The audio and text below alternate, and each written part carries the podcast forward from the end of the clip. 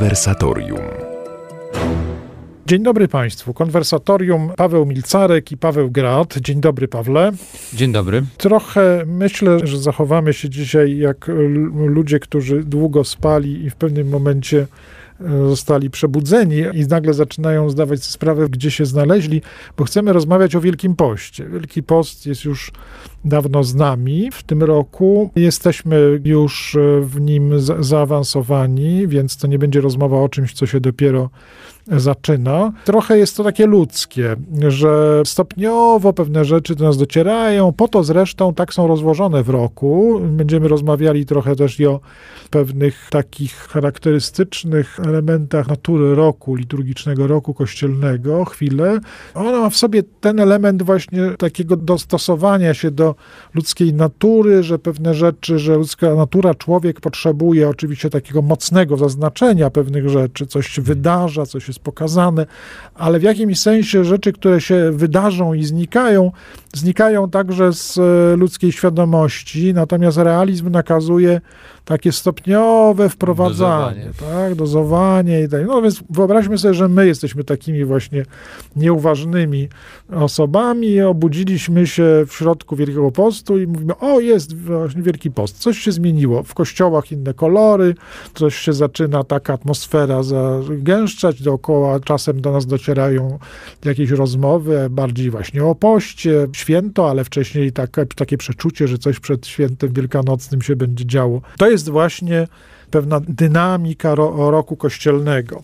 On jest w tradycji kościelnej, dzisiaj rzadko pewnie postrzeganej przez wszystkich, nawet uczestników życia kościelnego. To w tradycji kościelnej rok liturgiczny zwykle jest tak zbudowany, że przychodzą takie kolejne fale, które coraz bardziej podbijają jak, jakiś ton. I w Wielkim Poście, powiedzmy sobie od razu na początku, trochę też tak jest, że najpierw jest takie mocne uderzenie w postaci środy popielcowej, mhm. która pewnie akurat ten, ten moment z posypaniem popiołem e, głów jest e, czymś, co w wyobraźni e, społecznej do dzisiaj mocno funkcjonuje, a potem powoli, powoli, jeśli ktoś podąża tą drogą roku liturgicznego, zaczyna się najpierw taka troszkę, byśmy powiedzieli, łagodniejsza e, Wielkiego Postu e, postać, troszkę bardziej rozrzedzona, a, a potem przychodzi już blisko Wielkiego Tygodnia,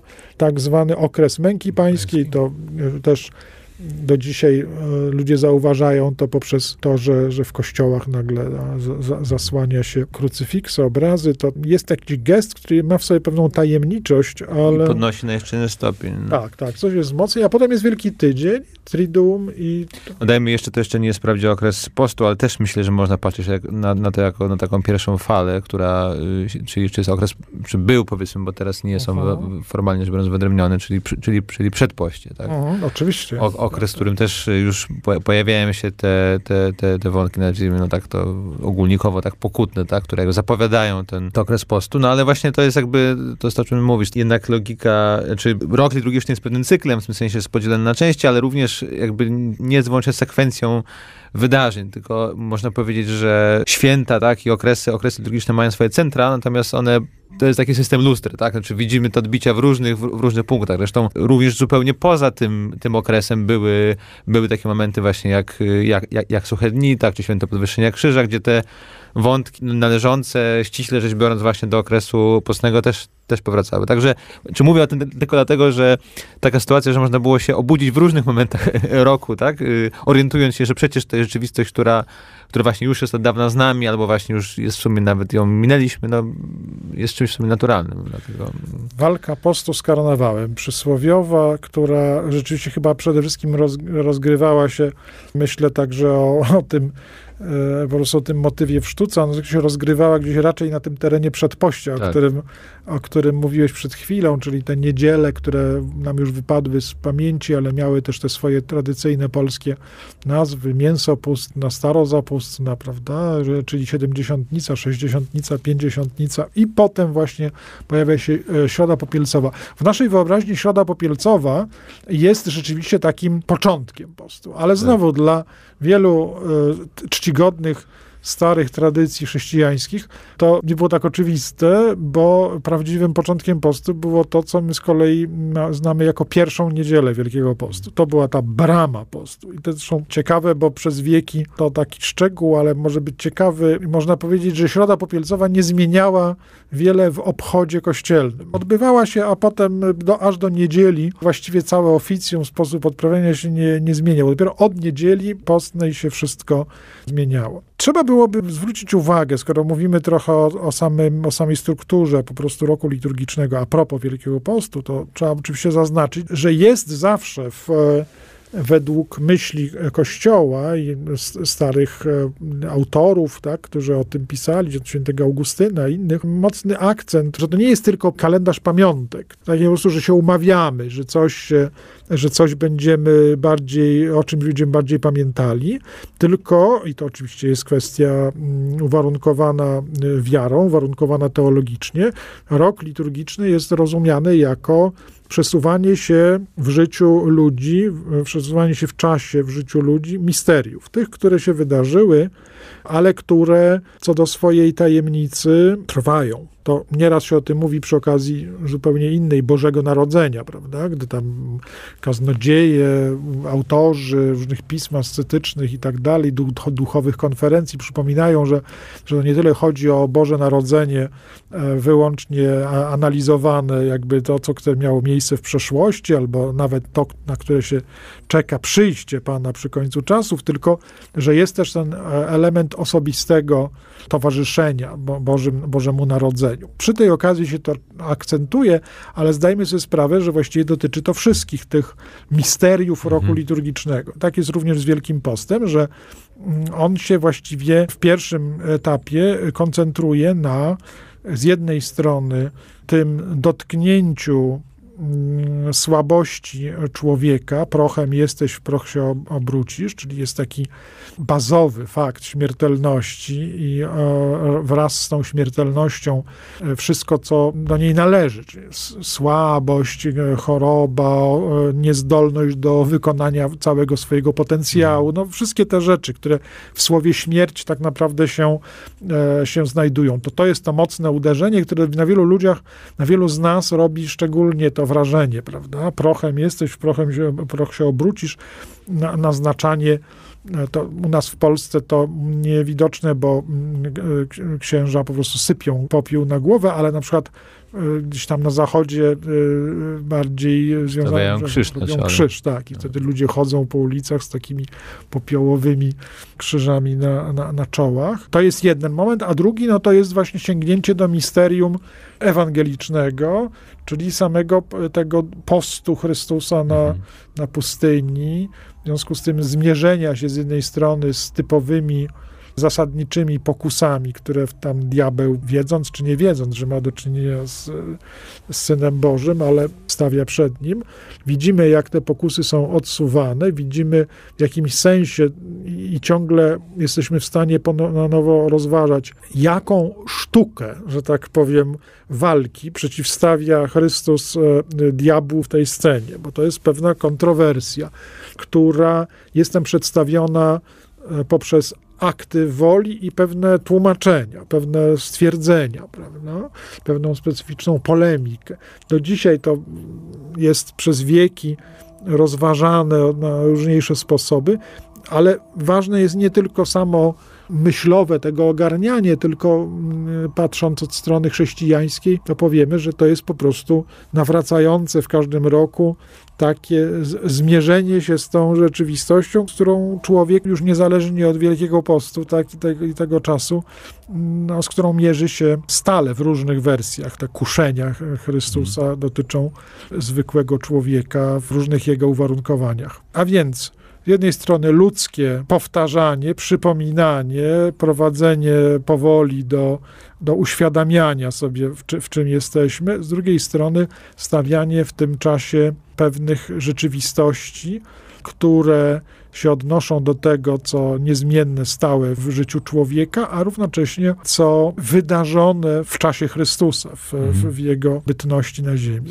Tak, zresztą to jest, y, jak rozumiem, ten, podstawa tej analogii, którą zrobiłeś y, z, z Adwentem, tak? Czyli jest ten wymiar narodzin Boga w duszy. I jest świętowanie, pamiątka, tak? Wspominanie wydarzenia z historii, z historii zbawienia. Zresztą mi się wydaje, że w pierwszej części Wielkiego Postu ten akcent pada dużo bardziej na Oczywiście, no, kuszenie Chrystusa na pustyni jest, jest jak najbardziej wydarzeniem historycznym i miało miejsce, natomiast mam wrażenie, że ono jest tutaj przywoływane bardziej jako taka przypowieść na temat rzeczywistości duchowej, a na pewno w, no, w większym stopniu niż to jest już celebracją tego okresu męki pańskiej, który jest celebracją no, po prostu mis misterium pewnych wydarzeń. I, I przez to, że ta pierwsza część Wielkiego Postu właśnie bardziej koncentruje się na znaniu nam wszystkim w pewnym sensie pozahistorycznej, tak, czy ponadhistorycznej rzeczywistości jakby duchowej, no jest dużo łatwiejsza, tak mi się wydaje, do przyswojenia ludzi. Da się to sprzedać jako taką duchowość. Nawet może biorąc pod uwagę wpływ poromantycznej kultury, w której jakby tragizm ludzkiej egzystencji, napięcie i godzenie się ze śmiercią odgrywa ważne znaczenie. Nawet może dałoby się to sprzedać jakoś takim, na takiej płaszczyźnie czysto po prostu psychologicznej. No ale na pewno nie jest to, teraz to bardziej mówię o tym może jak post funkcjonuje w kulturze, a mniej o tym jak jest, tak powiem, pomyślany przez Kościół, prawda?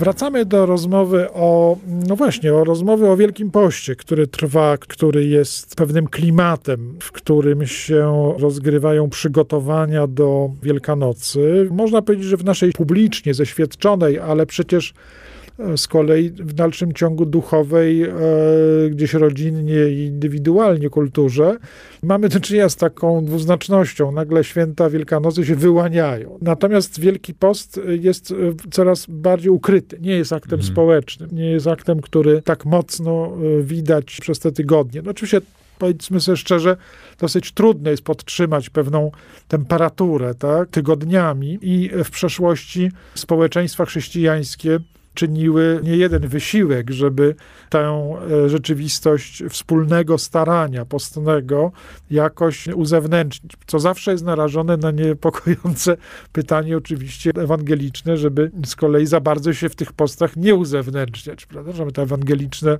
zalecenie, żeby nie pościć na, widok, na widoku ludzkim.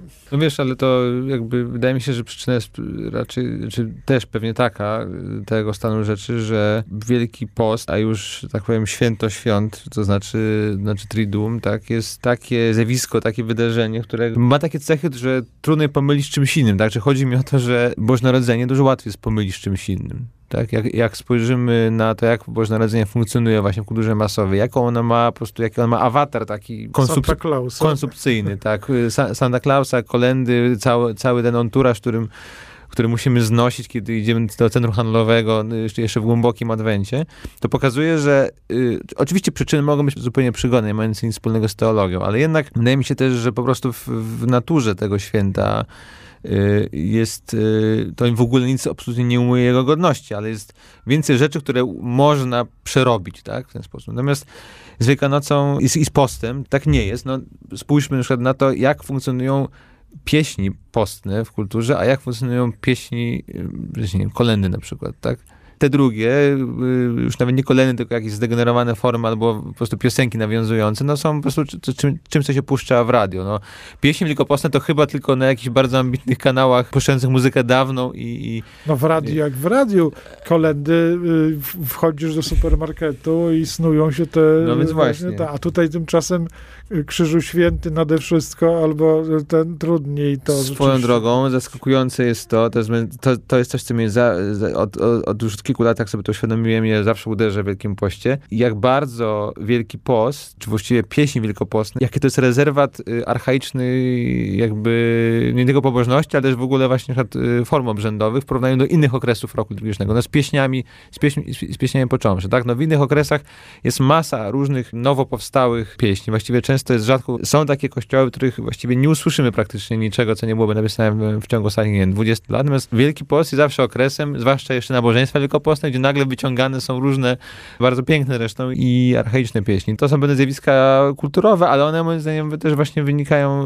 wynikają z tego, że ten okres dużo trudniej poddaje się, poddaje się takiej obróbce sekularyzacji, no mówiąc krótko, tak? Więc może ewentualnie po prostu być mniej widoczny, bo mniej ludzi będzie o tym mówiło, czy chodziło niestety do kościoła, no ale trudno jest przerobić Wielki Post na coś innego. Jest rzeczą ciekawą, nad tym się chwilę zastanówmy, że e, akurat w języku polskim ten okres jest jednoznacznie nazywany Wielkim Postem, podczas gdy właściwie w języku źródłowym Kościoła e, tego momentu wprost na początku, w, nazy- w nazwie, prawda, nie, nie ma, bo mówi się o kwadragezimie i to jest czterdziestnica, że tak powiem, czas przygotowania liczbowo. Natomiast o poście mówi się bardzo dużo w modlitwach Kościoła tego czasu. One wracają, są w jakimś sensie aż do tego stopnia ten komplet tradycyjnych modlitw, e, na przykład kolekt mszalnych czy innych okresowych modlitw, na tyle mm,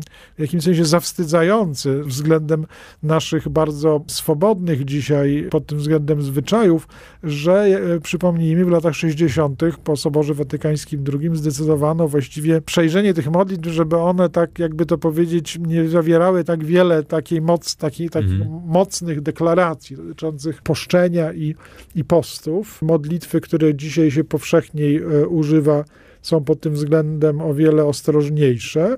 Mamy to polskie nazewnictwo, Wielki Post, prawda? I niewątpliwie post, mówię już teraz o praktyce, jest czymś, co w tym okresie wybija się w jakimś sensie na, na pierwszy plan. E, właściwie można by powiedzieć, że spośród tych trzech e, katechizmowych tak zwanych uczynków najprzedniejszych, to Hmm. znaczy modlitwy, modlitwa, post i jałmużna, oczywiście post jest tutaj wybrany jako nazwa dla wszystkich trzech, chodzi o większą intensywność działań na tych wszystkich odcinkach, ale zatrzymajmy się na razie na tej parze post jałmużna. One się jakoś w, zasadzie, w zasadzie są takim rodzeństwem. W sensie się wzajemnie potrzebują i o, o ile z postem y, dzisiaj y, może bywa gorzej, to muszę powiedzieć, że w ciągu ostatnich 20 lat, powiedzmy, zauważam o wiele, o wiele większą taką gotowość i wrażliwość, na jakby powrót pewnej wrażliwości dotyczącej jałmużny postnej. Ona oczywiście gdzieś tam balansuje między aktem religijnym, a aktem takiej po prostu solidarności społecznej, niemniej jest bardzo mocno e, widoczna e, w kościołach w postaci pewnych konkretnych ludzi, e, konkretnych przynoszonych przez ludzi jakichś, pomo- jakichś, e, jakichś tam rzeczy, które są e, innym potrzebne. No i w ogóle pewnego rodzaju wzm- wzmożenia jakiejś aktywności takiej pomocowej. Bo co to właściwie post i jałmużna? Post akt powstrzymania, a jałmużna jakby to powiedzieć akt wydatkowania, ale Tak. poza siebie. No, akt, znaczy, e, akt, akt miłości, tak powinno być. Natomiast wydaje mi się, że to, o czym mówisz, y, jak rozumiem, jest to zjawisko, które obserwujesz w Polsce. Chyba jednak ja bym uważał, że to, to, to ma y, związane no, jakby ze zmianami po prostu społecznymi mimo wszystko. To znaczy, po pierwsze, no, z jakimś większym stopniem zamożności, który w ogóle, no tak jest, tak? Oczywiście jest taki, jest taki poziom za, zamożności, który zamyka, znaczy, który jakby odcina od, od reszty społeczeństwa, ale myślę, że w Polsce ten kapitał zgromadzony przez, przez, przez ludzi nie jest znowu tak wielki, żeby zapomnieli, jak to jest, y, jak się jest ubogim, więc ta wrażliwość rośnie. No, a poza tym, no też y, w momencie, kiedy są duże kontrasty, tak, są różnice. No, kraje, które są, jakby są zarazem zamożne, mają bardziej spłaszczone tę te, tą, tą strukturę. Pewnie tam ta świadomość jest po prostu mniejsza. Ale istnieje ten y, sz- szczególny rodzaj jałmużny, nazywany jałmużną postną. No, takie, mm, mówię nawet już nie o indywidualnym, e, indywidualnej jakiejś decyzji, ale pewnej gotowej praktyce, którą, z której się korzysta lub nie korzysta. Prawda? Czyli Takie wyobrażenie, że, że Wielki Post to jest czas, w którym w jakimś sensie można z tego, co się zaoszczędzi, tak, odkładać coś, żeby, żeby coś dobrego, tak, z tego dla, dla bliźniego e, Wiesz, powstało. Ja muszę przyznać, że ja tak się przyznam, zawsze z jałmużną miałem taki problem, że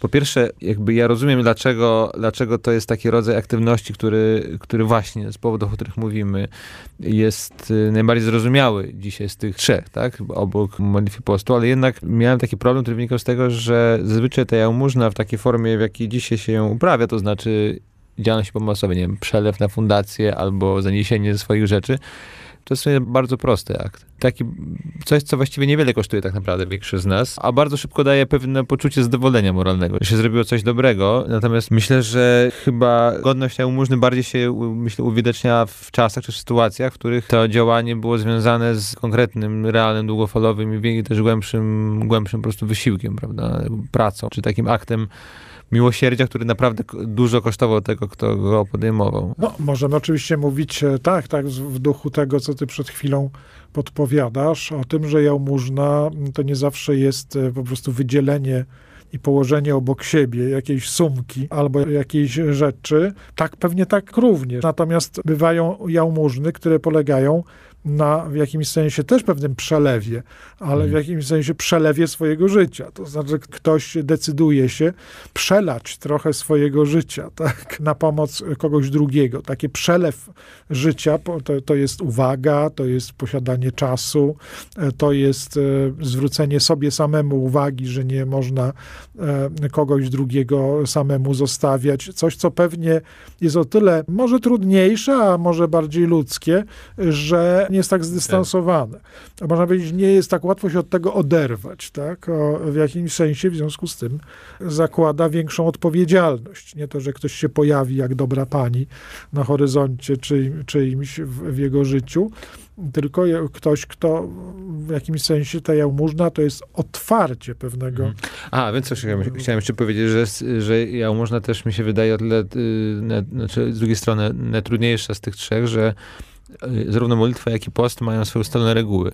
Również w Wielkim Poście, tak? Znaczy, molitwa zasadniczo jest, powinna być czynnością cykliczną. Są ustalone pory modlitwy i wiadomo, kiedy to się robi. Jakby można sobie do, jakby dołożyć, tak? Jak, jeśli chce się podjąć dodatkowe zobowiązania w Wielkim Poście. Z postem, w sensie praktyką postną jest podobnie. Natomiast praktyki jałmużnicze to jest bardziej skomplikowana rzecz, tak? No można ustalić, nie wiem, stały przelew albo zaangażować się w jakieś działania na dłuższą metę, ale jednak zazwyczaj przynajmniej ja mam ten problem, że to są działania jednorazowe, które w związku z tym też ich y, jakby ciężar jakoś mam wrażenie jest y, trudniejszy jakby do, do, do, do utrzymania w tym, w tym okresie. Tak, bo to oczywiście mm, myślę, że z punktu widzenia ludzi, którzy potem skorzystają z tej pomocy, to oczywiście nie jest tak dramatycznie różne. Tak, ktoś ustanowił przelew bankowy i co miesiąc z jego pensji, tam z jego konta wychodzi te kilkadziesiąt powiedzmy na przykład złotych i gdzieś tam ląduje w jakiejś fundacji, tam fundacja przeznacza to na różne dobre rzeczy, ale oczywiście e, to inaczej mora e, z punktu widzenia z kolei pewnego zaangażowania, pewnie inaczej to wygląda, jeśli ta na przykład niezbyt wielka sumka, która się nawet nie zauważa potem w swoim budżecie, ona e, tam co miesiąc gdzieś jest wysyłana i w którymś się zupełnie o tym zapomina, prawda? Pewnie tak, ale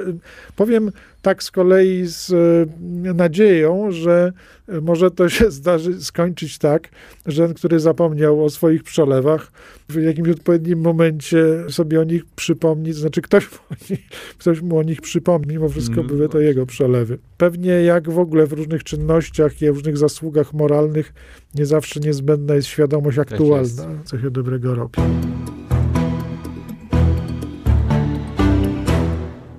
Wracamy do rozmowy o tajemnicach Wielkiego Postu.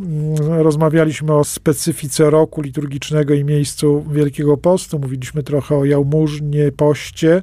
Rzecz jasna, rzeczą charakterystyczną dla Wielkiego Postu jest także pewne wzmożenie modlitwy. Tak? Są to z perspektywy takiej takich gotowych tak, elementów w kulturze religijnej e, naszej, to pewnie są rzeczy, które tak się zastanawiam, czy jeszcze mają dużo e, swojego życia przed sobą, czy też będą musiały przejść jakieś przekształcenie, ale takie elementy jak po prostu wracające w Wielkim Poście drogi krzyżowe, gorzkie żale, prawda, to są rzeczy, które przynajmniej no, na przykład dla mojego pokolenia były absolutnie nierozdzielnie mhm. związane z Wielkim Postem.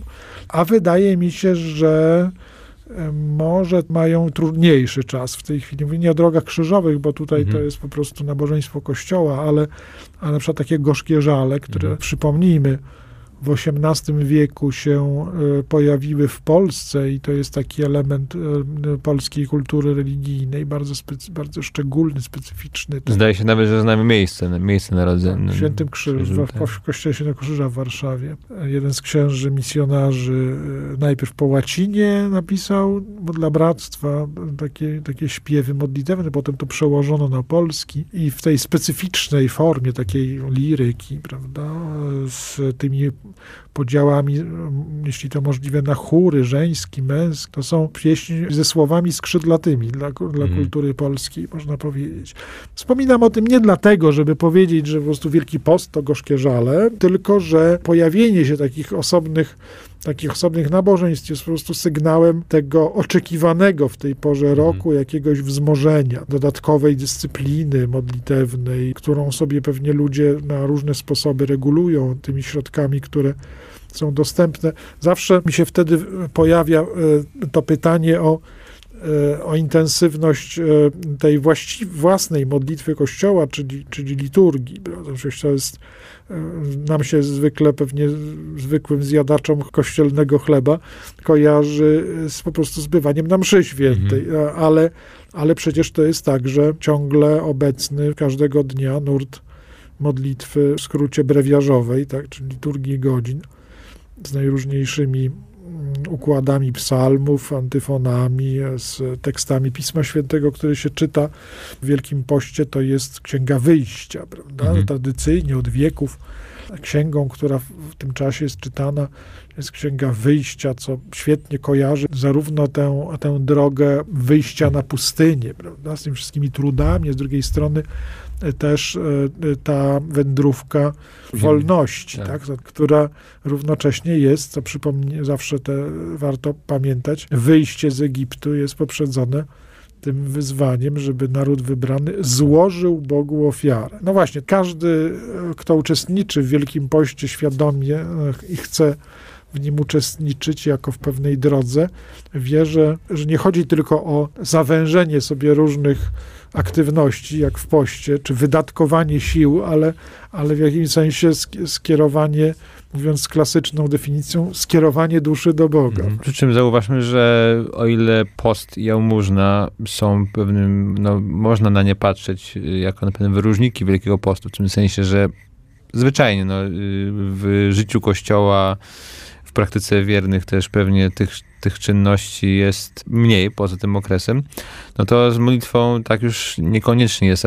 Oczywiście jednostki, my możemy podejmować zobowiązania, że więcej się będziemy modlić, ale Kościół zasadniczo jako taki nie, no, nie, nie, nie modli się po prostu y, y, więcej, tak? Zresztą y, zno, znowu, no, ja, jałmużna i post są mm, w życiu Kościoła bardzo ważnymi, świętymi, ale jednak środkami. Modlitwa też ma w charakterze środka, ale jednocześnie pewnej jej odmiany, służba Boża w tym najbardziej podstawowym sensie, no, można nie upatrywać również celu po prostu życia, tak? W sensie jest to, zwłaszcza jeśli jest to modlitwa kontemplacyjna, czyli taka, w której człowiek realizuje ostatecznie swoje, po prostu swoje powołanie, jakim jest oglądanie, y, tak? Tutaj na razie jeszcze nie bezpośrednio y, Boga, więc to sprawia, że jakby no, można powiedzieć, no dobrze, ale w sumie to zawsze należy się modlić, tak? To jest jakby właśnie dlatego, że jest to najbardziej godne działanie, takie, które ma najwięcej z, już z osiągania celu, y, no to jest dlaczego podejmować to szczególnie w poście. Mi się wydaje, że to, co się w poście rzeczywiście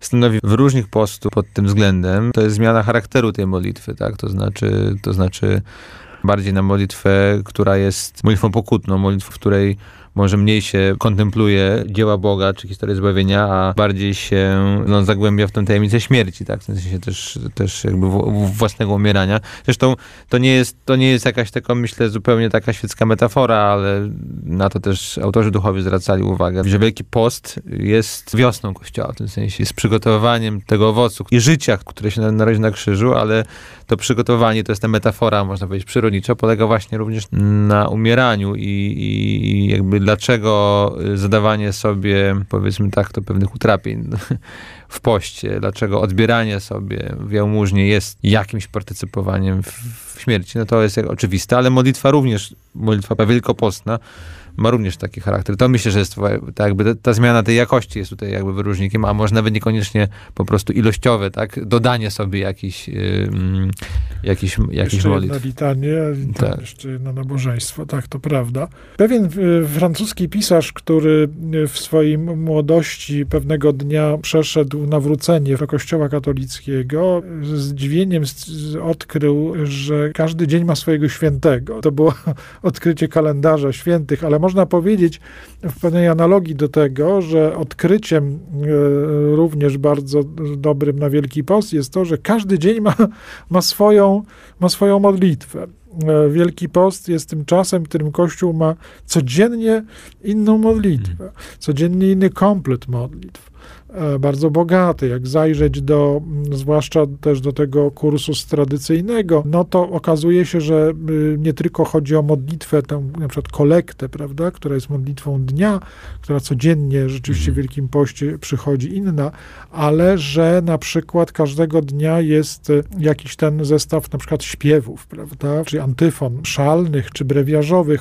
Może nie zawsze jesteśmy w stanie korzystać z nich codziennie, tak jak one są przepisane przeznaczone, to znaczy jako składniki pewnej modlitwy wspólnej Kościoła.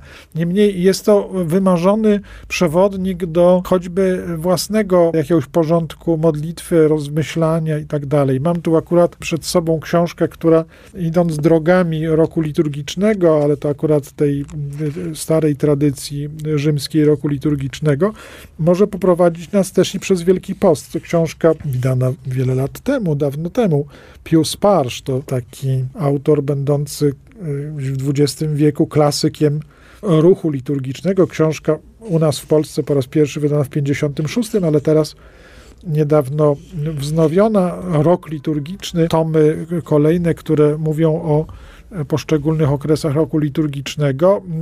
E, mam akurat przed sobą ten, e, w którym mamy całą tę sekwencję od przedpościa, Wielki Post, Wielkanoc, to o czym dzisiaj mówiliśmy. Jedna z możliwych, tak, e, pomocy do tego, żeby rekolekcjami, że tak powiem, Wielkiego Postu były nie tylko dwie czy jedna msza z wysłuchaną nauką, ale, ale jakby to powiedzieć, pewien porządek codziennego słuchania słowa Pisma Świętego, wplatania go w własną we własną modlitwę. Takim różnym podpowiedziom miała służyć nasza, nasza rozmowa, tych właśnie, co się obudzili.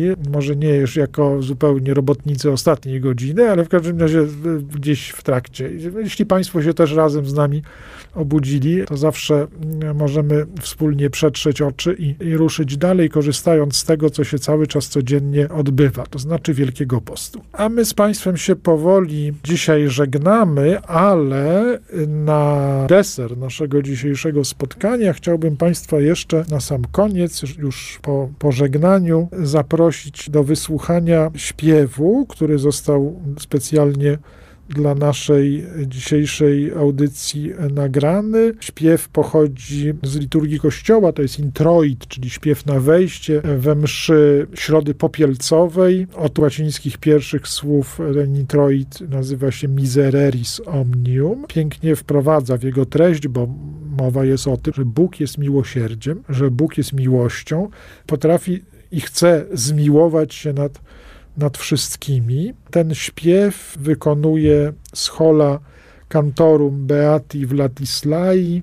Dodam już tylko, że mamy do czynienia z e, śpiewem oczywiście chorałowym, chorału gregoriańskiego, ale w tym wypadku wykonanym nie w sposób typowo, jakbyśmy powiedzieli, rzymski, lecz w wariancie pochodzącym z graduału kolegiaty wiślickiej z XIV wieku, co daje nam najprawdopodobniej najstarszy znany graduał z kursus świeckiego czy diecezjalnego. Tym się z Państwem żegnamy. Do usłyszenia za tydzień, a dzisiaj Paweł Grat i Paweł Milcarek. Dziękuję bardzo. Życzę Państwu dobrej niedzieli.